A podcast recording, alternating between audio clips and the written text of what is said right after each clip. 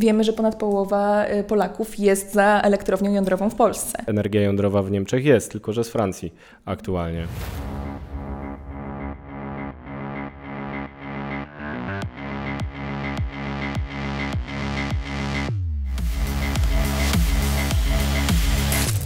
Dzień dobry Państwu, nazywam się Wojciech Jakubik. Zapraszam do kolejnego spięcia biznesalert.pl. Tym razem będzie to odcinek specjalny, bo mam ze sobą gościa. Jest z nami Julia Galosz, studentka Uniwersytetu Jagiellońskiego, ale przede wszystkim aktywistka e, organizacji Fota for Climate. Cześć. Cześć, dzień dobry Państwu.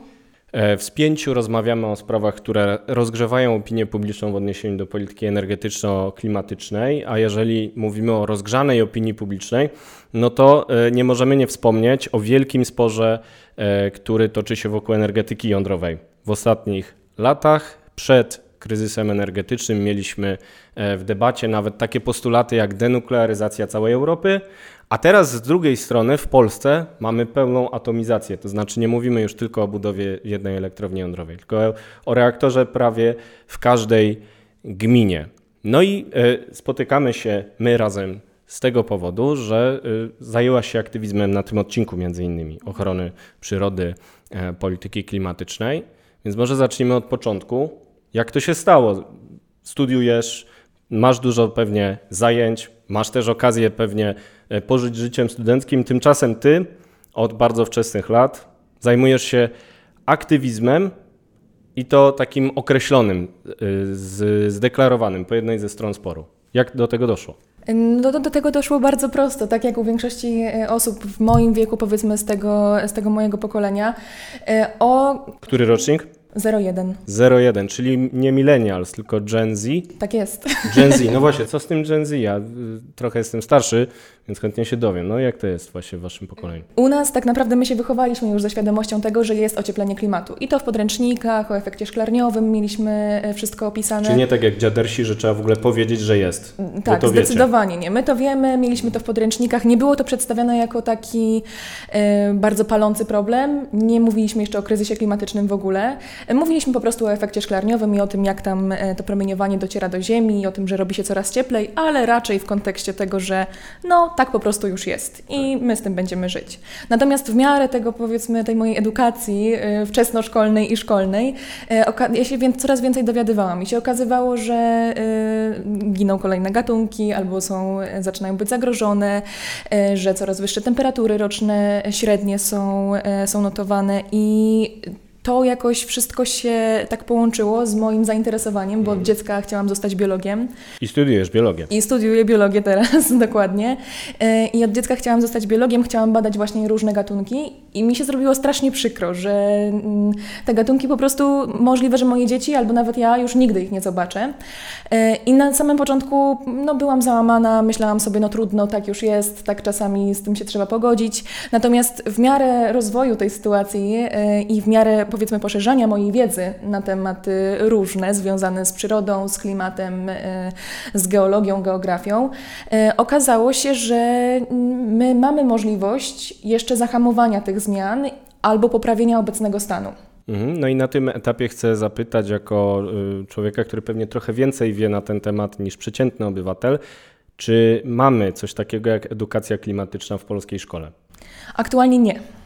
Nie mamy edukacji klimatycznej, natomiast w ostatnich latach powstał y, zespół bilateralny y, przy Ministerstwie Klimatu i Środowiska i Ministerstwie Edukacji i Nauki. Do takiego porozumienia między y, politykami doszło i oni podpisali list na rzecz edukacji klimatycznej. Po Wierzymy tym, im czy nie? Po tym, ja zaraz tutaj dojdę do meritum. Połowicznie wierzymy, połowicznie nie, bo e, po tym podniosłym wydarzeniu, oczywiście z dziennikarzami i tak dalej, i z kamerami, i ze wszystkimi bardzo ważnymi osobami w garniturach, e, doszło do zawiązania rzeczywiście zespołu e, roboczego, który miał wypracować scenariusze lekcji o klimacie właśnie, które miały być takimi podwalinami do e, takiej formalnej edukacji klimatycznej w Polsce. E, I ja między innymi byłam zaangażowana w działania tego zespołu, także my stworzyliśmy scenariusze dla szkoły podstawowej i szkoły ponadpodstawowej z różnych dziedzin, zarówno klimatologii, sprzężeń zwrotnych w ekosystemach, ale też na przykład społecznych skutków zmiany klimatu. No i to wszystko jest, tylko że to jest na platformie, zintegrowanej platformie edukacyjnej i mhm. dalszej woli politycznej do wprowadzania tego w życie i wprowadzania tego w programy edukacyjne już nie było, nie ma, może się pojawi z okazji nadchodzących wyborów. A no właśnie, bo nagrywamy 15 chyba, tak, nie, 14 września sobie nagrywamy, jest jeszcze miesiąc kampanii, więc szanowni politycy, gotowy temat. Tutaj Państwu dajemy na stole. Nic tylko brać edukacja klimatyczna jest potrzebna obiektywnie, więc każdy polityk, który weźmie ją na sztandary, e, no, zrobi coś dobrego dla planety, ale też pewnie dla siebie troszeczkę. Ale brać i wprowadzać, a nie tylko brać no na właśnie. sztandary i. My was rozliczymy potem, bo będą Dokładnie. kolejne odcinki. Najwyżej wpadniesz jeszcze raz i zobaczymy, co tam powymyślali.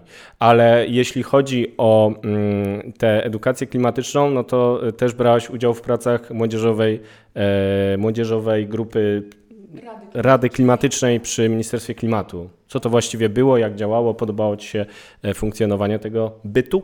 To dalej istnieje w ogóle, tylko że druga kadencja, ja już w niej nie jestem, e, musiałam sobie zrobić przerwę od tej pracy. Natomiast to jest takie ciało młodzieżowe, które zajmuje się e, trochę legislacją, trochę doradzaniem e, teoretycznie bezpośrednio ministrowi, natomiast wiemy, że tutaj to musi przejść przez cały sztab zarówno prawników, jak i pracowników administracji publicznej.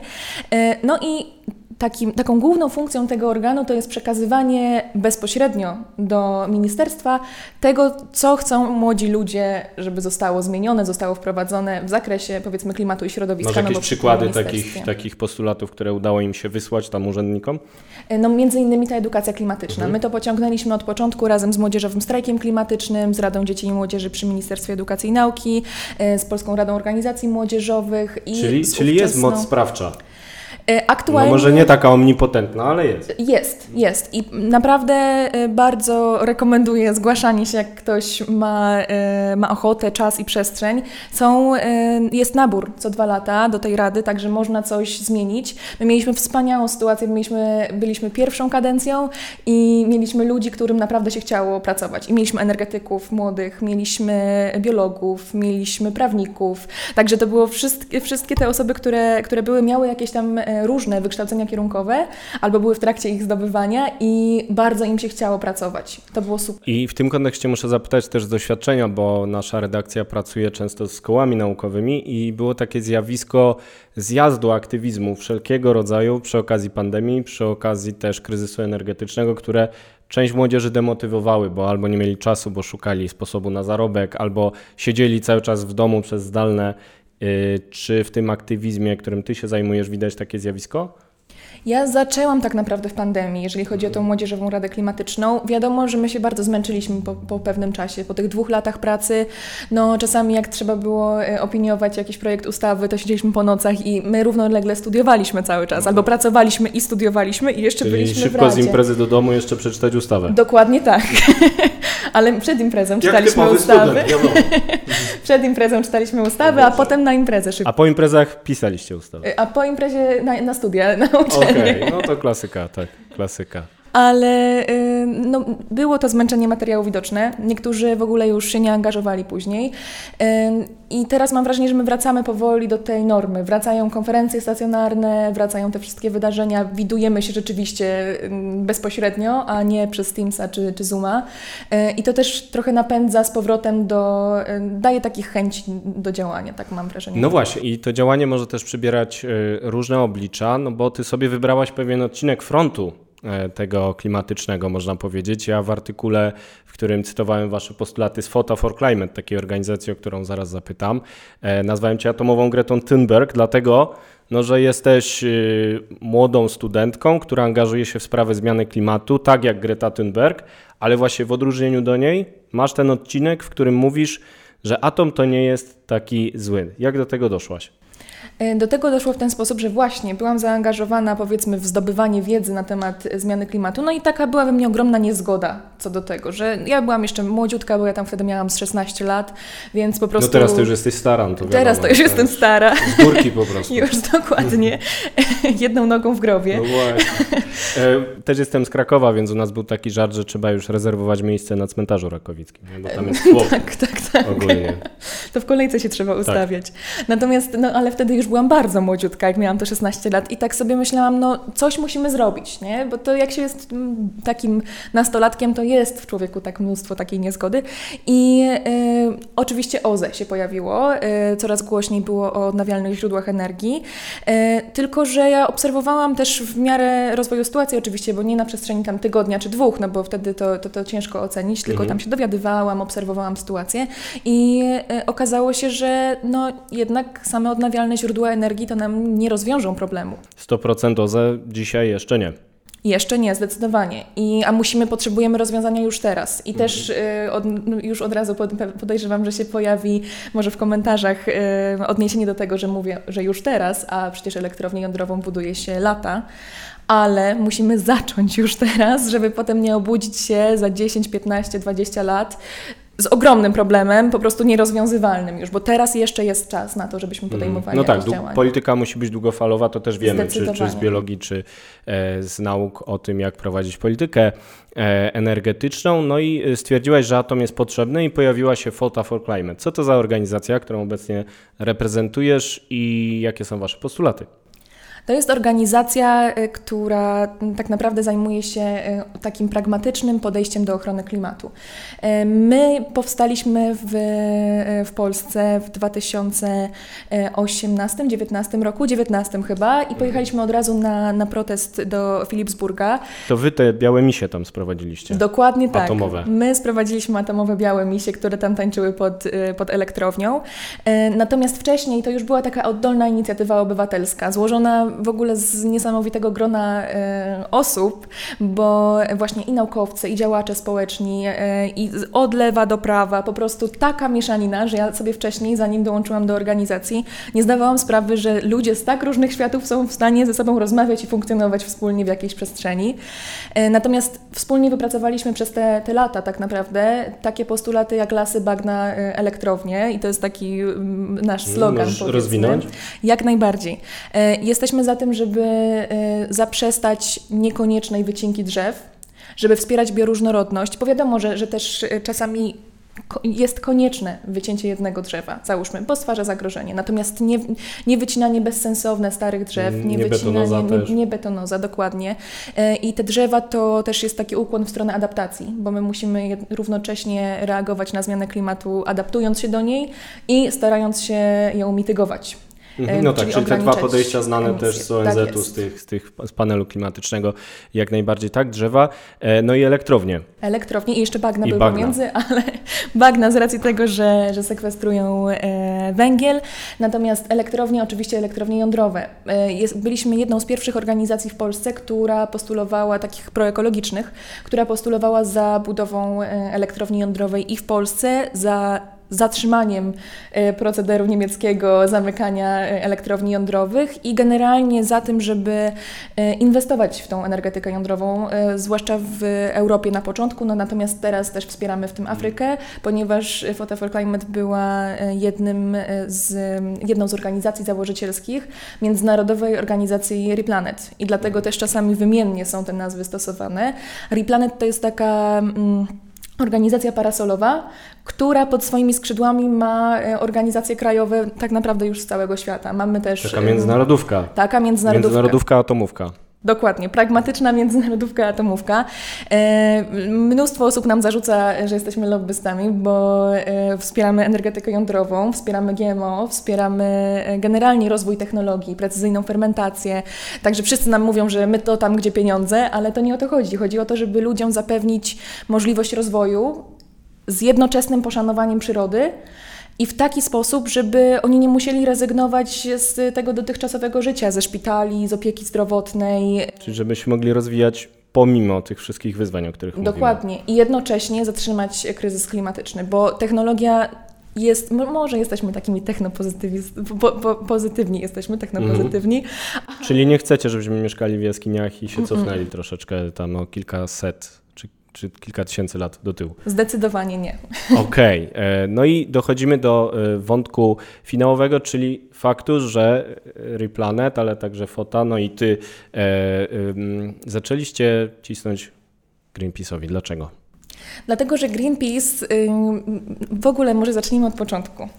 Ja też nie chcę być taka znowu zła dla tego Greenpeace'u, bo e, to była jedna z pierwszych organizacji, o której ja usłyszałam jako dziecko, jak się zaczęłam interesować kryzysem klimatycznym, kryzysem bioróżnorodności. Oni też mają pieniądze, więc widać ich było wszędzie na, na reklamach, czy tam czasami w internecie, czy w telewizji. I oni też, nie, nie można im odmówić, że y, trochę dobrego zrobili, jeżeli chodzi o powiedzmy unaocznienie problemu takim zwykłym mm, ludziom, Taki normalnym. climate mainstreaming, Dokładnie mówiąc po tak. staropolsku. Dokładnie tak. E, natomiast oni mnóstwo złego robią, jeżeli chodzi o sektor, o, o w ogóle ro, w rozmowach o sektorze energetycznym. Oni są bardzo antyatomowi. Nasz polski Greenpeace nie ma aż takiego mocnego stanowiska w tej sprawie, a jeżeli ma, to nie aż tak głośno je przedstawia. Nie chwali się. Nie chwali się, dokładnie, ale też wola polityczna w kraju jest jaka jest. Um, I ludzie generalnie są za tym atomem. E, są sondaże i według różnych sondaży no, wiemy, że ponad połowa e, Polaków jest za elektrownią jądrową w Polsce. E, także możliwe, że nie mają tutaj odpowiedniego gruntu. Natomiast w Niemczech i w innych krajach europejskich oni naprawdę robią dużo złego, jeżeli chodzi o energetykę, bo bardzo mocno starają się zdyskredytować energetykę jądrową. No i chyba się w Niemczech trochę udało, no bo w kwietniu zostały wyłączone ostatnie trzy elektrownie jądrowe, tak. czyli białe misie no niestety były smutne tego dnia. Bardzo. Mm, udało się w Niemczech niestety, natomiast jeszcze, jeszcze sprawa nie jest taka do koń, tak do końca przesądzona, bo zostały przedłużone, ich praca została przedłużona jeszcze przed wyłączeniem i są coraz częściej pod, jest coraz częściej podnoszony temat ponownego ich włączenia. Natomiast już zostały podpisane niektóre umowy co do rozbiórki, bo oczywiście muszą być konkretne firmy, które rozbiorą taką elektrownię, z tego względu, że to nie jest powiedzmy zwykły dom mieszkalny. No i tylko... chyba nie za darmo też. Oczywiście, że nie za darmo, za ogromne pieniądze, więc skoro zostały podpisane umowy na ogromne kwoty, no to firmy wykonawcze już nie tak bardzo chcą się z nich wycofywać, ale przed Niemcami stoi ogromny kryzys energetyczny, perspektywa ogromnego kryzysu energetycznego. No tak, uzależnienie od importu, też z Francji. Co ciekawe, warto wspomnieć, że Francja ma kilka reaktorów jądrowych, chyba tam trzy czwarte wytwarzania. No więc y, energia jądrowa w Niemczech jest, tylko że z Francji aktualnie. E, dobrze, I, i, i ten spór o to, jak chronić klimat, no bo Greenpeace powie, że 100% OZE, prawda, właśnie jutro, też y, e, uważając, że to jest na jakimś etapie możliwe. Wy powiecie dużo atomu, ręka w rękę z odnawialnymi źródłami energii. Ten spór przenosi się do e, Komisji Europejskiej, do wszystkich instytucji unijnych, bo dyskutujemy o tym, co warto finansować, a co nie. E, ta dyskusja toczy się w odniesieniu do tak zwanej taksonomii. Co to jest i jak wy jako fota na to patrzycie? Jeżeli chodzi o taksonomię, to My patrzymy na to różnie, z tego względu, że atom został sprzężony w taksonomii z gazem e, ziemnym, natomiast no, gaz ziemny, nie ukrywajmy, on jest potrzebny do tego, żeby wspierać odnawialne źródła energii. Możemy minimalizować jego udział i musimy to robić, natomiast nie możemy go całkowicie wyłączyć, bo no, po prostu jest to, jest to na ten moment niemożliwe.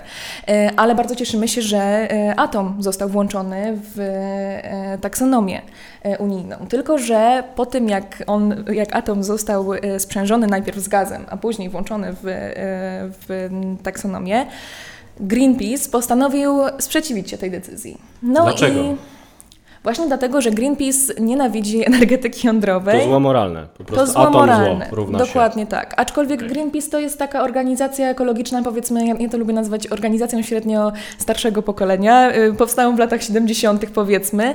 No i tam rzeczywiście... Dziadersi ochrony klimatu. Troszkę tak. No ja nie chcę być ageistką, absolutnie. Natomiast y, jak się popatrzy na y, te ich niektóre zdjęcia, zwłaszcza z Niemiec, to oni tam faktycznie, no większość tych osób po prostu jest już starsza. Oni gdzieś tam e, przeżyli swój pierwszy pocałunek na proteście pod elektrownią jądrową. No i też trochę tak jest, że z racji tego, że w swoich szeregach mają właśnie takie starsze osoby, które bardzo dobrze wspominają o protestowywaniu elektrowni jądrowych, no to oni są przeciwni Czy mają tym elektrowniom jądrowym. Tu jest sentyment mniej danych. Tak mi się wydaje, natomiast to też jest tylko moje zdanie. Ja tak. yy, Oczywiście, to jest program to opinii, więc tutaj przedstawiamy opinię. Ja dorzucę taką e, odrobinę miodu do tej beczki dziegciu, że Greenpeace robi bardzo dobrą pracę, jeśli chodzi na przykład o protesty przeciwko surowcom rosyjskim w Niemczech, prawda? Tak. Protesty w rafinerii Szwed, protesty przeciwko importowi, nawet Greenpeace y, Rosja e, prowadził aktywną działalność y, przeciwko zależności od surowców rosyjskich do tego stopnia, że aktywiści Greenpeace'u musieli uciekać z Rosji, między innymi do Polski. Także o Greenpeace'ie też kilka dobrych e, słów powiedzieliśmy. I teraz wybiegnijmy na sekundę w przyszłość, tak podsumowując, y, czy jesteśmy w stanie, młodzi, starsi, wszyscy, e, spowolnić, zatrzymać kryzys klimatyczny i czy jesteśmy to w stanie tak zrobić, żeby nie skasować e, rozwoju cywilizacji? Jak najbardziej, aczkolwiek tutaj no, nie ma odpowiedzi tak bądź nie. Tak naprawdę odpowiedź jest taka, której nikt nie lubi, czyli nie wiadomo, ale na pewno możemy spróbować, na pewno warto spróbować, bo też jeżeli rozmawiamy o kryzysie klimatycznym i mówimy tylko o planecie w postaci skał i, i powiedzmy pierwiastków chemicznych, no to jej to nic nie zmieni, czy będzie dużo cieplej, czy nie.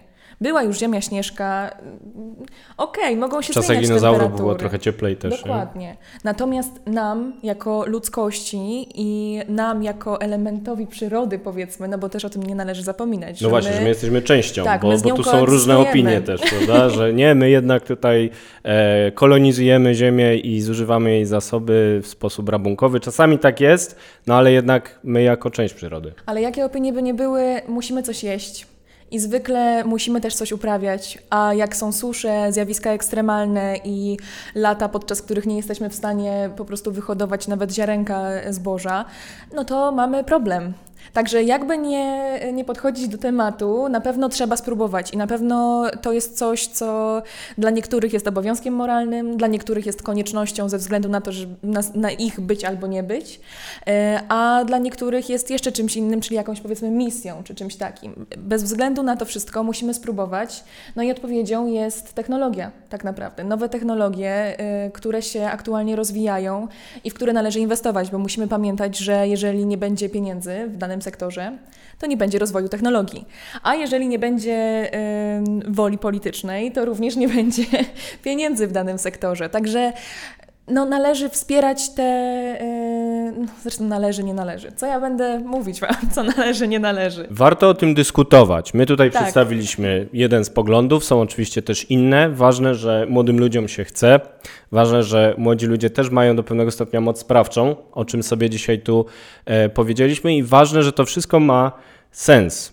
A rozmawialiśmy o tym z Julią Galosz z Photo for Climate. Dziękuję Ci bardzo. Myślę, że będzie czas na kontynuację, a na pewno po wyborach, bo będziemy rozliczać, tak jak mówiliśmy. Dziękuję jeszcze raz. Ja bardzo dziękuję za zaproszenie i będziemy rozliczać po wyborach. O tak, wszystkich rozliczymy. A tymczasem koniec spięcia biznesalert.pl, następne już za tydzień.